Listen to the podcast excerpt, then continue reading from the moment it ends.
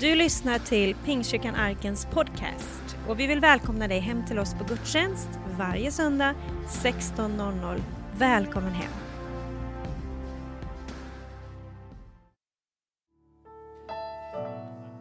Tack så mycket. Ni kan stå kvar. Jag tänkte ni skulle få stå. Vi står när vi lyssnar till ordet. Tack ska ni ha. Ni, ni får däremot gå ner. Ni får stå här uppe också, men det får ni välja själva. Men i alla fall, så, så när eh, vi pratade om den här gudstjänsten så kom jag att tänka på en av alla äldre som jag träffat genom åren. Nu träffar jag ju mig själv, så nu träffar jag ju alltid en äldre. Men i alla fall, ända de första kan jag säga 25-30 åren av min tid på fältet som predikant. Efter 30 år har jag gjort lite annorlunda, men de första 25-30 åren så avsatte jag alltid en dag i veckan att besöka äldre. Eh, så jag har besökt ganska många äldre under mitt liv och haft många fina stunder. Och jag kan säga att, som en parentes bara säga det att mycket av det jag säger, det har jag hört av äldre människor. Eh, jag har nästan inte kommit på någonting själv. Utan jag har hört av människor hur, hur har det gått till genom tiderna och hur har det varit. Va? Och när jag började på fältet för 52 år sedan så de som levde då, de hade ju varit med om slutet av 1800-talet. Så att jag har egentligen fått veta ganska mycket. När vi pratade om det här mötet då kom jag att tänka på en av de där äldre jag brukar besöka på någon av orterna uppe i Norrland där jag var då. Och när jag kom hem till henne så var det ungefär lik, starten var likadan. Jag sjöng en sång för henne, jag hade med mig gitarr. Och sen så när jag hade sjungit så sa jag så här, eh, jag ska läsa ett bibelord också. Vad tycker du jag ska läsa för något? Jag kan säga alla gånger så sa hon till mig, hedersalmen. Så varje gång jag var hos henne så lärde jag hedersalmen. Det ska snart stå Herren är min hede någonstans här. Där står det ju, Herren är min hede, mig ska inget fattas. Och då tänkte jag så här, i den här tiden som vi är i just nu, kan det finnas något bättre än att läsa hedersalmen? Så här står det. Herren är min hede, mig ska inget fattas. Han låter mig vila på gröna ängar. Han för mig till vatten där jag finner ro. Han ger liv åt min själ. Han leder mig på rätta vägar för sitt namns skull. Även om jag vandrar i dödsskuggans dal fruktar jag inget ont, för du är med mig. Din käpp och stav, det tröstar mig. Du dukar för mig ett bord i mina fienders åsyn. Du smörjer mitt huvud med olja och låter min bägare flöda över. Ja, godhet och nåd ska följa mig i alla mina livsdagar och jag ska bo i Herrens hus för alltid. Jesus, mitt i den här tiden när så många känner oro, Jesus, och undrar vad är det som händer i världen? Vad är det som händer i Sverige? Vad är det som händer i Värnamo? Mitt i den här tiden så får vi läsa om dig, du som är vår herde. Jag ber att den här stunden ska få bli en stund när friden bara kommer in i våra hjärtan och, och att den, vi verkligen får uppleva den Jesus. Jag ber för hela Värnamo. Jag ber för alla, jag ber för politiker, jag ber för alla Jesus. Jag ber i Jesu namn om en frid, halleluja. Jag prisar dig för det. I Faderns, Sonens och den helige Andes namn. Amen. Varsågod och sitt. Jag tänkte så här, när Anders och jag pratade lite grann så kom det direkt till mig. Jag kan i alla fall säga något. Jag hade tänkt nämligen att predika om något helt annat idag. Jag har nämligen förberett med mina predikningar vad jag ska predika om under den här våren. Men så kom det bara till mig, för vi, du lyssnar ju också via närradion och därför vill jag skicka med ett ord som går rakt ut och kan, du kan få känna var du än sitter och var du än är. Herren är min herde, mig ska inget fattas. Jag har fyra punkter och jag tar den första direkt. För jag tänkte säga, jag pratar om Herren och så pratar jag om Herren är. Och så pratar jag om Herren är min. Och så pratar jag om att Herren är min herde. Så har ni mina punkter. Och jag startar med Herren som står där först. Och det står Gud är vår tillflykt och styrka, en hjälp i nöden, väl beprövad. Därför räds vi inte även om jorden ger vika och bergen störtar i havets djup. Om vågorna brusar och svallar så att bergen bävar vid deras uppror. Och så står det ett litet ord till där, som, där det står sela. Vet ni vad sela betyder? Det kan betyda olika saker, men en del hoppar över och läser det. Men sela betyder paus eller tid för eftertanke. Och jag tänker så här, mitt i den här tiden vi lever nu, kanske det behövs lite eftertanke. Kanske man behöver stanna till och tänka, vad är det som sker? Och när man läser den här versen kanske man ska behöva tänka till, ja men Gud är ju vår tillflykt. Och han är ju en hjälp i nöden väl beprövad, är ni med mig? Alltså en tid där man får tänka till lite grann, vad är det egentligen som vi ska sätta vår tillit till? Och jag har skrivit i mitt koncept, nu är det bästa att sätta fokus på Herren vår Gud. Det är det som vi behöver idag. Alltså, om man sen eh, tänker till lite grann, det är faktiskt så att det är inte dåligt ställt med svenska folket när det gäller Gud. Det är bara det att man smygtror ju på Gud. Och det är vid vissa tillfällen som den där stora tron på Gud kommer fram. Men det är faktiskt så som jag har uppfattat det, som jag har läst om det, som jag har hört av de som har levt längre än mig, att svenska folket har alltid i kristider vänt sig till Gud. Alltså så var det under andra världskriget. Jag har hört talas om det, jag levde inte då. Men vad gjorde man under andra världskriget i Sverige? Man bad och man fastade och man vände sig till Gud. Och många anser att, att orsaken till att det gick så bra i Sverige, det kan mycket väl vara att så många bad till Gud. Jag vet inte om ni har hört talas om det, men man bad och man bad till Gud. Estonia-katastrofen. Jag bodde faktiskt här i Värnamo den natten när det skedde. Och, eh, och jag minns det där väl, det minns vi allihop vad vi gjorde då. Men vad hände efter den? Jo, man vände sig till Gud. Man gick till, till kyrkan, kyrkorna blev fulla över hela Sverige och svenska folket vände sig till Gud. Vad hände vid tsunamikatastrofen? Det var samma sak. Ja, men säger du, hur blir det nu då? Ja, nu får man inte gå till kyrkan. Utan nu får man ju sitta hemma. Men det är bara det att Gud är hemma också. Och jag tror att det som, är, det som är lösningen nu för hela Sverige och det som är lösningen för den här kyrkan, det som är lösningen för dig som lyssnar via närradion, det är att vi vänder oss till Gud. Är ni med mig? Det är det som är, inte att förringa, inte att förringa situationen. Inte att inte ha respekt för corona, inte att inte ha respekt för den här virusen, inte att inte ha respekt över att det sprids över hela jorden. Det är helt otroligt hur det sprids. Men för, på grund av vi måste ha någonting att förankra oss i den här tiden. Så att inte, så att inte oron tar för, för stor fart i våra liv. Och det står i psalm 46 och 2. Bara hos Gud har min själ sin ro. Från honom kommer min frälsning. Alltså den verkliga ron, det är hos Gud.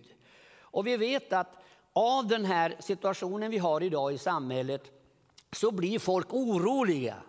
Man blir orolig, man blir rädd. Och jag, ska, liksom, jag skulle nästan vilja varna mer för oron än för själva viruset. Jag skulle vilja att vi samlar oss. Och vilket sätt kan vi samla oss? Det är ju att vända oss till Gud. För hos Gud finns frid.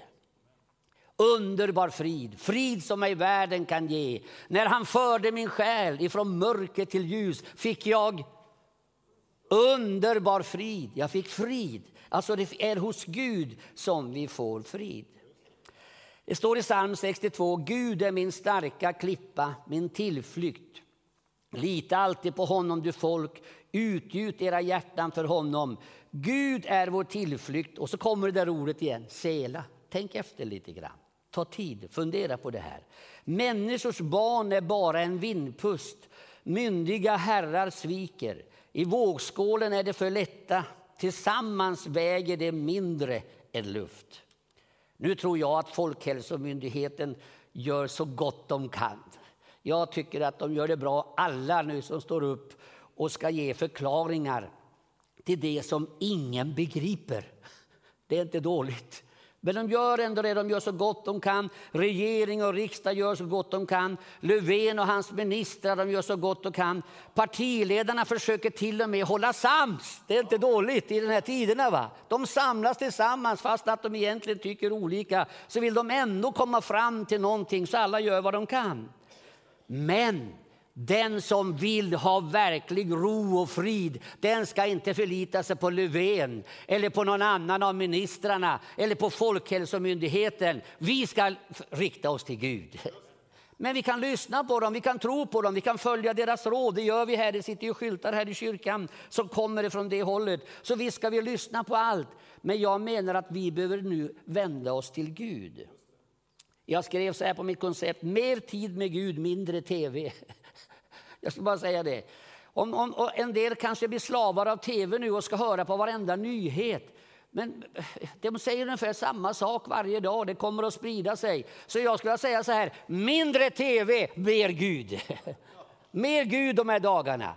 Sätt dig och börja läsa Bibeln, titta i salmerna. Läs salmerna, läs om Gud som, som finns, som är våran Gud. Det står i psalm 62 och 11 och jag vill bara säga, det här kanske mest till mig själv, för jag fick det här ordet en morgon här. Fäst inte hjärtat vid rikedom, även om den växer. Vet, jag har varit predikant i hela mitt liv och jag har, församlingarna är inte så här, var i alla fall inte för jättegenerösa och ge en pengar, utan man fick verkligen be till Gud för varje dag. Så det har inte varit lätt alltid. Men på de sista åren har jag, har jag samlat ihop lite pengar och så har jag satt dem på fonder. Ja. Och jag har äntligen nu, för bara för några, en månad sedan, så har jag äntligen fått se hur de här pengarna har vuxit i mina fonder. För några veckor sedan, ja. Nu!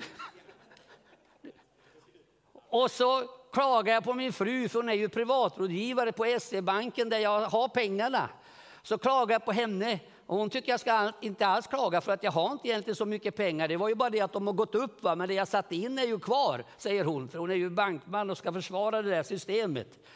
Och så vaknar jag på morgonen, på kvällen har jag ett litet, jag ska inte säga att vi är 30, men, men det var gränsfall. Och jag vill liksom, tyckte att hon, nästan att hon hade lurat mig. Och då när jag vaknar och läser i Bibeln så faller mina ögon på versen. Fäst inte hjärtat vid rikedom, även om det växer. Så jag var tvungen att ödmjuka mig och vända sig mot henne och visa denna bibelvers. Visst kan vi förlora pengar, men kära vänner, vad hjälper det en människa om hon vinner hela världen men förlorar sin själ? Herren, är ni med? Den är tid för att vända sig till Herren. Punkt nummer två. Herren är. I Jesaja i 40 kapitel står det, vet du inte, har du inte hört att Herren är en evig Gud som har skapat jordens ändar? Javé, jag är, det är namnet på Gud. Han är. Alltså, Gud finns. Han är en verklighet. Vi ser honom inte, men han finns. När jag kom hit eh, förra sommaren så, så påminde mig Lars-Evert Jonsson. Jag tycker det är roligt när någon kommer ihåg vad man har sagt, men det är lite kraftigt. Lars-Evert Jonsson som har varit pastor där i kyrkan, han var inte mer än 15-16 år när han hörde mig tala i Skellefteå pingkyrka, alltså för nästan 50 år sedan, eller 52 år sedan tror jag det är. Det var ganska i början. Och då påminde han mig om en berättelse som jag berättade. Jag ska berätta den när jag tänker på, vet du då icke att Herren är en evig Gud?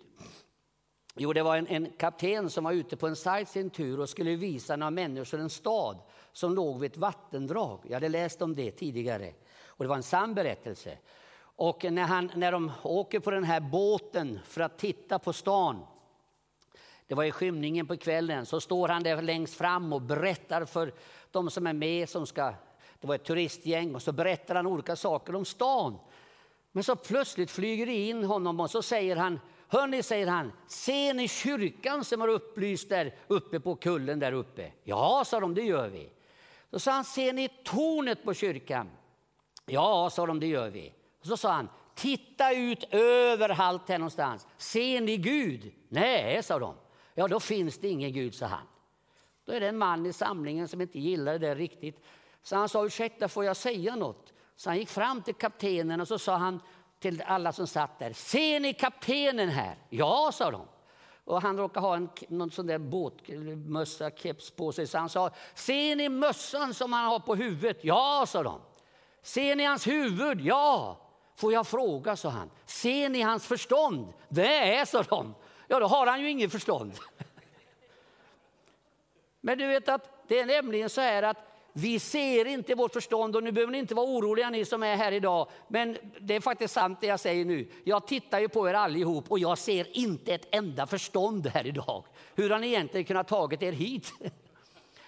Men nu är det ju så här att vi märker att vi har ett förstånd på grund av det vi har lärt oss, det vi kan göra. Vi lär oss språk. Ni har läst eh, det som står om viruset och vi, kan, vi, vi förstår en massa saker. Är ni med mig? Vi kan lä, räkna, läsa och skriva. Varför det? Därför att det finns något här inne. Vi märker frukten av att det finns en Gud. Vi märker frukten av att det finns en Gud. Han ger kärlek, han ger frid, han ger glädje, han kan göra under, han kan skapa. Ja, han har till och med skapat hela universum. Är ni med oss? Han är, han finns, han är en verklig Gud. Det står i Uppenbarelseboken 4.8. Helig, helig är Herren Gud, allsmäktig. Han som var, han som är och han som kommer. Det finns inget mera säkert i hela tillvaron än Gud. Han har varit, han kommer och han ska komma igen. Han ska hämta oss till himlen. Är ni med? Han kommer in i vårt hjärta.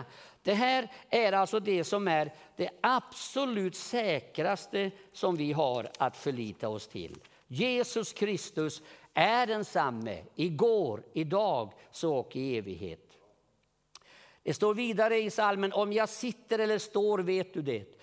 Du förstår mina tankar fjärran ifrån. Om jag går eller ligger ser du det.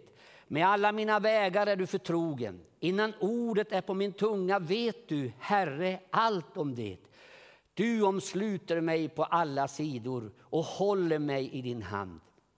Den kunskapen är för underbar för mig. Den är så hög att jag inte kan fatta den. Vart jag går för din ande, vart kan jag fly för ditt ansikte? Stiger jag upp till himlen är du där, bäddar jag åt mig i dödsriket är du där.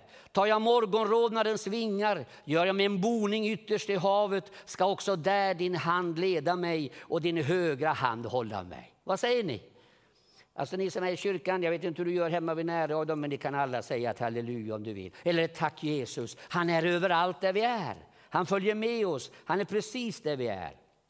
Och jag tror faktiskt att en sak som vi skulle kunna göra nu de här dagarna allesammans. Du som är hemma, du som var du än är och lyssnar på detta.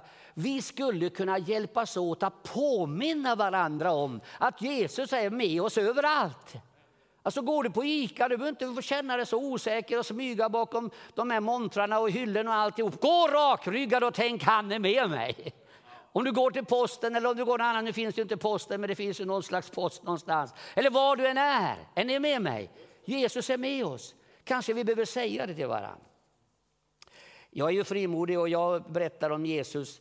Jag tycker det var lite roligt att jag hade en liten egen upplevelse för några år sedan när jag flög. Jag har ju rest väldigt mycket och, och flugit väldigt mycket. Jag vet inte hur mycket jag har flugit, men det, det är väldigt mycket. Så, och, och jag har varit med alla möjliga, möjliga flygningar. Jag kan inte berätta om dem för kanske inte ni vågar flyga.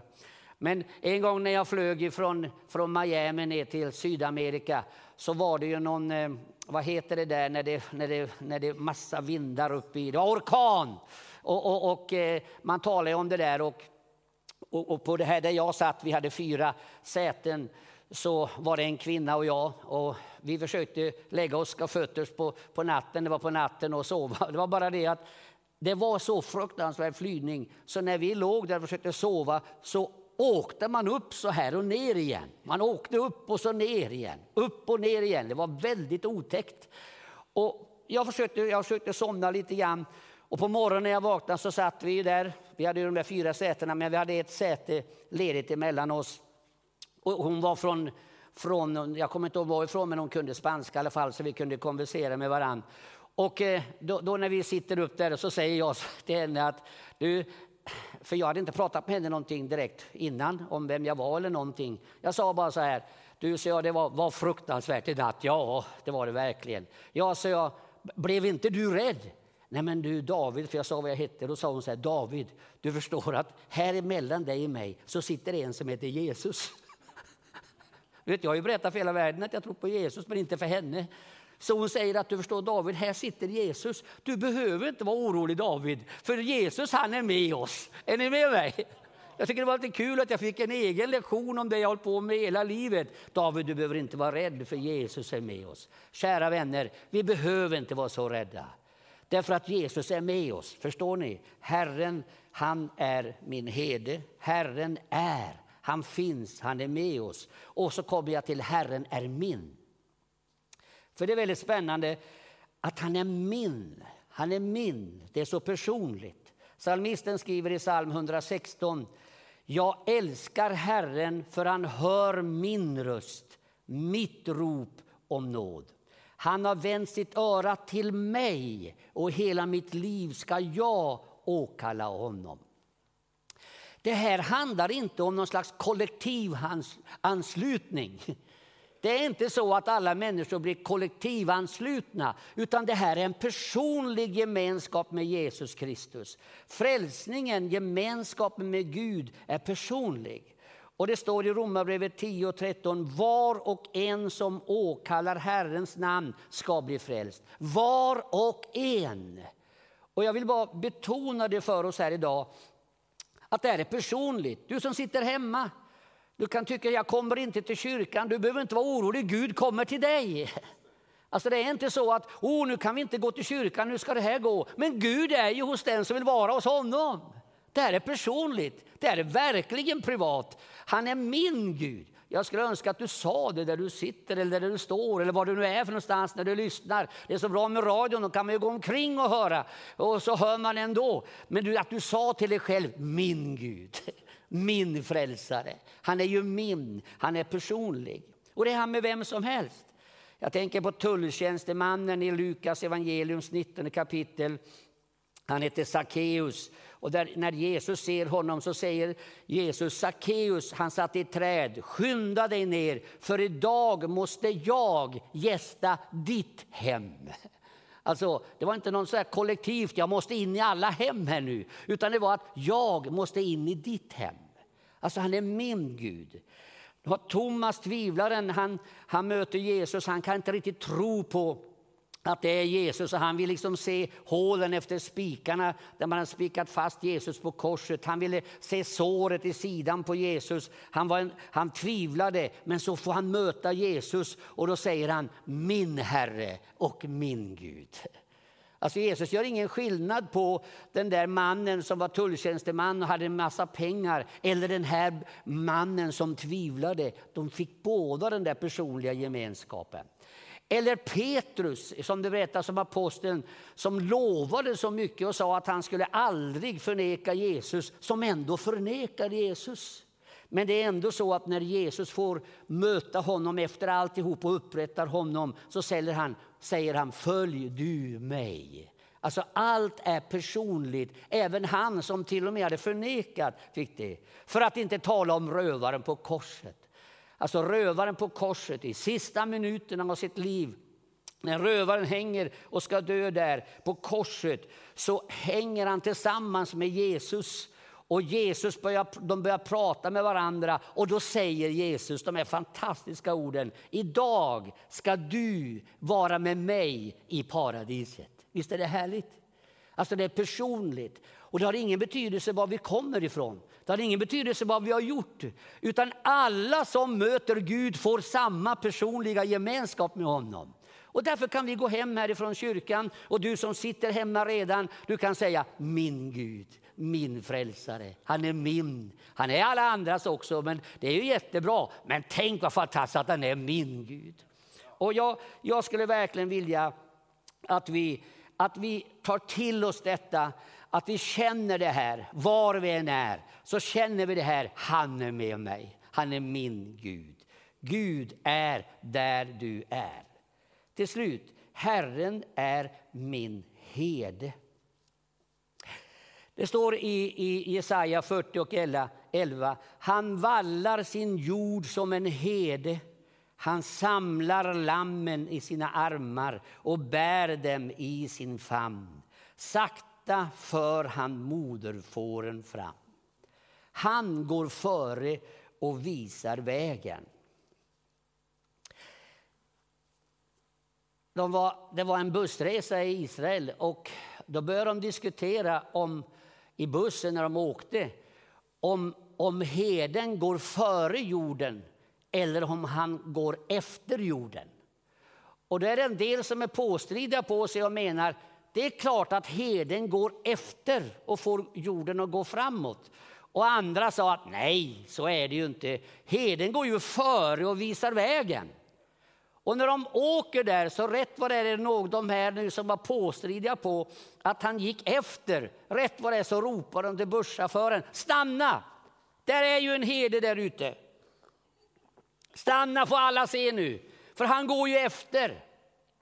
Och då stannar busschauffören och då frågar de guiden, titta, han går ju efter den där heden. Herde, sa den här guiden, det där är ingen herde, det är ju slaktaren.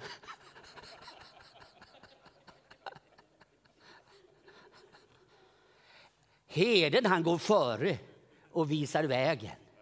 Och jag tycker det är så härligt att han, han, han går före oss, han bereder vägen för oss. Och kära vänner, vi behöver inte oroa oss så mycket nu om vad som ska hända med allting. Vi har en herde som går före. Han är före på Ica, han är före på gatan, han är före på konserthuset, han är före överallt. Vad säger ni? Du nästan säger ett halleluja nu. Alltså vilken, vilken, vilken Gud vi har. Herren är min herde. Ska vi säga det en gång? Herren är min herde. Det är helt fantastiskt. Och det är sant dessutom. Och det står, han låter mig vila på gröna ängar. Han för mig till vatten där jag finner ro.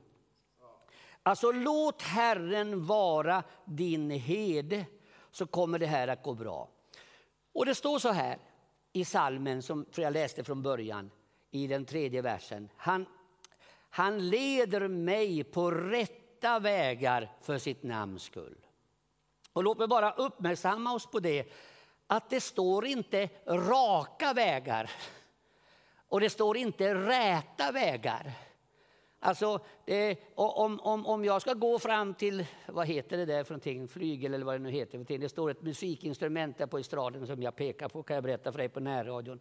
Men om jag ska gå dit så kan jag ju gå här. Men, men, men det är ju den raka vägen, då kommer jag ju fram hit. Men det är ju faktiskt så att om jag nu bestämmer mig att gå en annan väg så kommer jag ju till slut att komma dit ändå, för att det är ju dit jag ska. Så att det här är ju inte den raka och det är inte den räta och det är inte den genaste vägen, men jag kommer hit. Och jag vill säga det är, vi kan ha en väg ur hela den här, en tanke på hur allt det här ska lösas, hur det ska ordna sig, hur många som ska bli sjuka och inte sjuka och om, det ska, om vi ska stänga alla gränser eller hur det nu ska vara för någonting, hur det ska göras.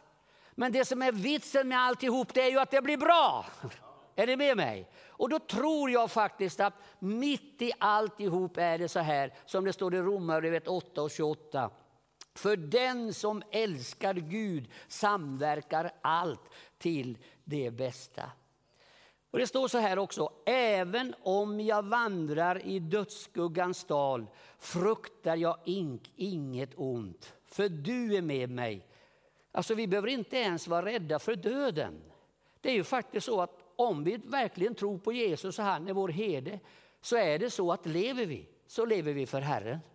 Dör vi, så dör vi för Herren. Om vi lever eller dör hör vi Herren till. När jag gick på bibelskolan, då jag var bara 16 år gammal, så hade vi en lärare på bibelskolan som hette Karl-Erik Heineborg. Han blev sen pastor och föreståndare i Sveriges största pingstförsamling, Filadelfiaförsamlingen i Stockholm. Och när han var på, på bibelskolan, när han åkte därifrån, så på, utanför Hudiksvall någonstans, så fick han hjärtinfarkt och eh, hamnade på, på sjukhuset i Hudiksvall.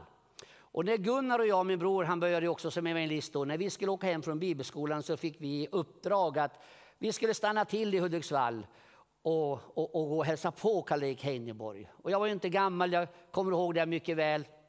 Det var väldigt spännande, vi skulle gå in på sjukhuset och vi fick tillstånd att komma in på hans sal. Och jag minns så väl när vi kom in där och stod vid hans säng. Han levde ju, han överlevde det där. Han blev föreståndare sen i Philadelphia också. Men när, när vi stod vid hans säng så sa han, och jag minns hur han sa, han vände sig mot mig och sa han, David, du förstår, sa han. När, när jag fick hjärtinfarkten och kom in här så trodde jag ju att jag skulle dö. Men när jag, var, jag kom som i, i en... Jag, jag skulle gå på en bro och när jag kom till den där bron så var det en ljus gestalt som kom fram till mig och sa Karl-Erik, du behöver inte vara orolig för jag ska hålla dig i handen. Och, och jag kände en sån frid, sa han, nu överlevde jag, men jag hade kunnat dö, sa han. Jag hade kunnat gjort det därför att det var en sån frid som kom över mig. Låt mig säga, om vi än skulle vandra i dödsskuggans dal så behöver vi inte frukta, för han är med. Tror ni på vad jag säger? Nu tror inte jag, vi, vi, vi, säkert kommer de flesta överleva alla, så det, det, är inte det, det är inte det som är den stora grejen. Men jag ville säga bara att vad än som händer så är det sant att Herren är min herde. Vi, vi kan inte nonchalera det här. Vi vet att, att det är en svår sjukdom. Vi vet ändå, jag måste ändå säga det att det är ändå så att det är ju över 80 eller över 85 år som är, som är liksom det, den krisen så att säga. Så det, det, är ju inte så att hela Sverige kommer att dö, det är inte alls så. Utan det är så att vi kommer att överleva de flesta. Men jag vet att om jag skulle hamna bland dem som inte gjorde det, så lever jag ändå. Tror ni på mig? Varför det? Därför att lever vi så lever vi för Herren. Dör vi så dör vi för Herren. Om vi lever eller dör hör vi Herren till. Herren är min herde. Ingenting ska fattas mig. Tycker ni att ni fick någonting? Fick ni något idag att gå hem med? Och det jag vill att ni ska känna när ni kommer hem, så känner ni, han går med mig. Han är med mig. Vi ska sjunga Du omsluter mig på alla sidor och du håller mig i din hand. Skulle vi kunna stå upp och sjunga den? Du omsluter mig på alla sidor och du håller mig i din hand. Jag ska be för dig också härifrån som, som ändå känner mitt i alltihop Ja, men det är sant det du har sagt, men jag är ändå lite orolig. Jag ska be för dig. Och jag vill säga så här, ingen som känner sig orolig ska tro att du är någon syndare. Alla kan bli oroliga, men det jag pratar om det är att om vi tar vårt fäste i Gud så kommer han att ge frid. Så det är inte så, man kan, det är så dråpligt, man kan vara rädd men man kan ändå ha frid. Man kan ha respekt, men man kan ändå ha frid. Så det är inte det jag säger. Jag säger inte att vi kommer gå hem härifrån allihop och säga det där var väl ingenting. Nej, vi ska ha respekt för det. Men vad jag säger är, låt oss hålla i Gud. Du omsluter mig på alla sidor. Vi sjunger. Du har lyssnat på söndagens predikan från Pingstkyrkan Arken i Värnamo. Vill du komma i kontakt med oss eh, hittar du oss på arkenvemo.se. Välkommen hem till oss.